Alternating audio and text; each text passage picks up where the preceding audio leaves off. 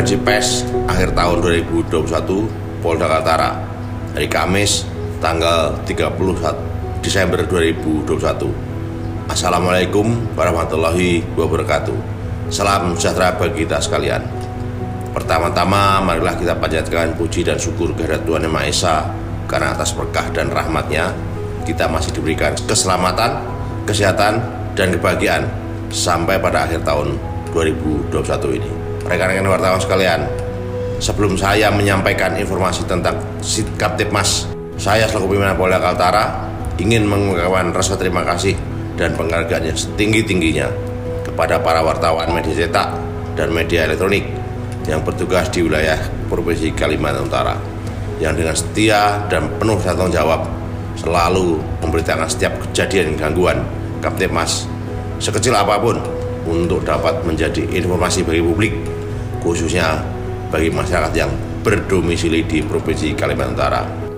Dengan begitu, seluruh lapisan masyarakat dapat mengikuti dengan cermat apa yang terjadi dan upaya apa yang dilakukan jajaran Polda Kaltara dalam menanganinya. Informasi yang akan saya sampaikan pada kesempatan ini meliputi enam hal. Pertama, aspek pembinaan, aspek operasional, operasi kepolisian, data capaian vaksinasi, inovasi Polda Kaltara, harapan dan himbauan masyarakat. Berikut akan saya sampaikan gambaran umum kinerja Polri, khususnya Polda Kaltara, baik mencakup aspek pembinaan maupun operasional Polri pada tahun 2021. Aspek pembinaan bidang personel Polda Kaltara telah melakukan rekrutmen anggota Polri dengan prinsip betah dan meluluskan empat orang. Akpol 661 Bintara 46 Tamtama Polri. Kemudian jumlah personel Polda Kaltara. Hingga saat ini sebanyak 3.201 orang. Baru sekitar 34,2 persen dari DSP pengawasan bahwa dalam bekerja Polda Kaltara khususnya dan Polri pada umumnya dilakukan pengawasan baik eksternal maupun internal.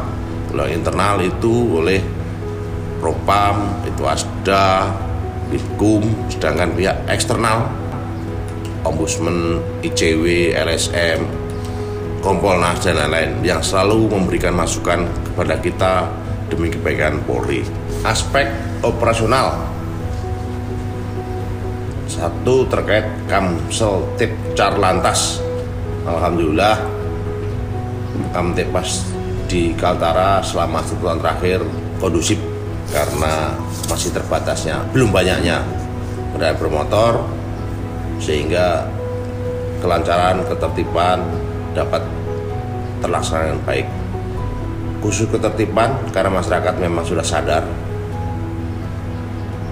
untuk berkendara di kendaraan jalan umum bagi yang berdua-dua menggunakan helm, kelengkapan kendaraan sehingga itulah yang membuat sangat kondusif kondisi kam seltip carlantas. Sedangkan tidak pidana kita menangani juga beberapa kasus. Contohnya tidak pidana secara umum tahun 2021 sebanyak 30 kasus naik 5, 5 kasus dari tahun sebelumnya. Dan penyelesaian kasus sebanyak 15 kasus turun dua kasus dari tahun sebelumnya data pengungkapan kasus tidak pidana narkoba di wilayah hukum Polda Kaltara tahun 2021 sebagai berikut jumlah LP 30 kasus jumlah tersangka 40 orang dan barang bukti total 1137,46 kg dan seluruhnya sudah disidangkan dan barang bukti telah dimusnahkan. Kejahatan terhadap kekayaan negara dan tidak pidana khusus ada tujuh kasus selesai empat dan barang bukti yang dapat disita uang sebanyak 2 miliar 958 ribu 176 rupiah. Di tahun 2021 Polda Kaltara melaksanakan operasi kepolisian di jajaran Polda Kaltara meliputi operasi Bina Kusuma Kayan 2021 ini sifatnya pembinaan dan penyuluhan kepada masyarakat. Operasi Keselamatan Kayan 2021 meningkatkan keselamatan berlalu lintas dan kepatuhan hukum masyarakat terhadap perundang-undangan lalu lintas. Yang ketiga, operasi pekat kayan, yaitu penindakan pelaku tindak pidana kejahatan jalanan, premanisme, prostitusi, pornografi, miras ilegal, dan perjudian di tengah pandemi COVID 2021. Operasi Bina Waspada Kayan, penyuluhan dan pembinaan terhadap perorangan, kelompok, atau organisasi radikalisme terorisme. Operasi Patuh Kayan, yaitu terwujudnya keamanan, keselamatan, ketertiban dan kelancaran lalu lintas Polda Kaltara. Operasi Bersinar Kayan yaitu penegakan hukum dalam rangka pemberantasan penyalahgunaan narkoba. Operasi Pekat Operasi Zebra Operasi Amanusa Operasi terpusat yaitu Operasi Ketupat Kayan PAM Idul Fitri Kemudian saat ini kita melaksanakan operasi lilin Kayan 2001 dalam rangka perayaan Natal dan Tahun Baru. Data capaian vaksinasi di jajaran Polda Kaltara di lima kabupaten Tarakan tertinggi. Sampai tanggal 28 Desember 2021 capaiannya 81 persen kurang lebih. Lebih sedikit. Sedangkan untuk Bulungan 79% lebih. Untuk Malino 72 persen lebih kemudian Nunukan 73 persen lebih dan Tidung 71,48 persen. Capaian vaksin selama sampai dengan 28 Desember 2021 inovasi Polda Kaltara bahwa Polda Kaltara launching rumah Dumas Presisi di mana ketua RT sebagai stakeholder terdepan di lingkungan masyarakat untuk membantu tugas Polri dalam menerima laporan pengaduan masyarakat. Himbauan dan harapan Selaya Kapolda pada seluruh masyarakat mari kita taat hukum, taat aturan. Yang kedua, di masa pandemi COVID ini, meskipun vaksinasi sudah mencapai target seperti yang diperintahkan pemerintah pusat maupun WHO, tapi kita tidak boleh lengah terhadap protokol kesehatan. Harus betul-betul ditaati. Penggunaan masker, menjaga jarak, menghindari kerumunan itu betul-betul ditaati sehingga kita akan terhindar dari paparan COVID baik kita maupun masyarakat Kalimantan Utara. Bagi masyarakat yang belum vaksin, saya mohon silahkan mendatangi tempat-tempat di mana ada kegiatan vaksinasi massal.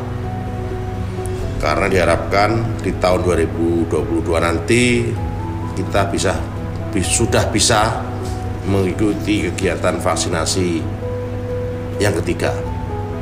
Jadi satu dan dua kalau tinggi di atas 70 persen kita bisa ikuti vaksinasi tahap ketiga kekebalan. Yang kedua, saya himbau kepada seluruh masyarakat untuk selalu taat hukum, tidak boleh bertindak sendiri-sendiri, di sini ada aparat seluruhnya agar kita betul-betul patuh hukum. Yang keempat, baru saja di tanggal 21 Desember kemarin Presiden Indonesia melakukan groundbreaking kawasan industri dan pelabuhan internasional di Tanah Kuning. Mari kita sukseskan. Mari kita kawal agar proyek tersebut selesai tepat waktu dan tidak boleh ada yang mengganggu, menghalangi atau mencari keuntungan pribadi dalam proyek pembangunan GP.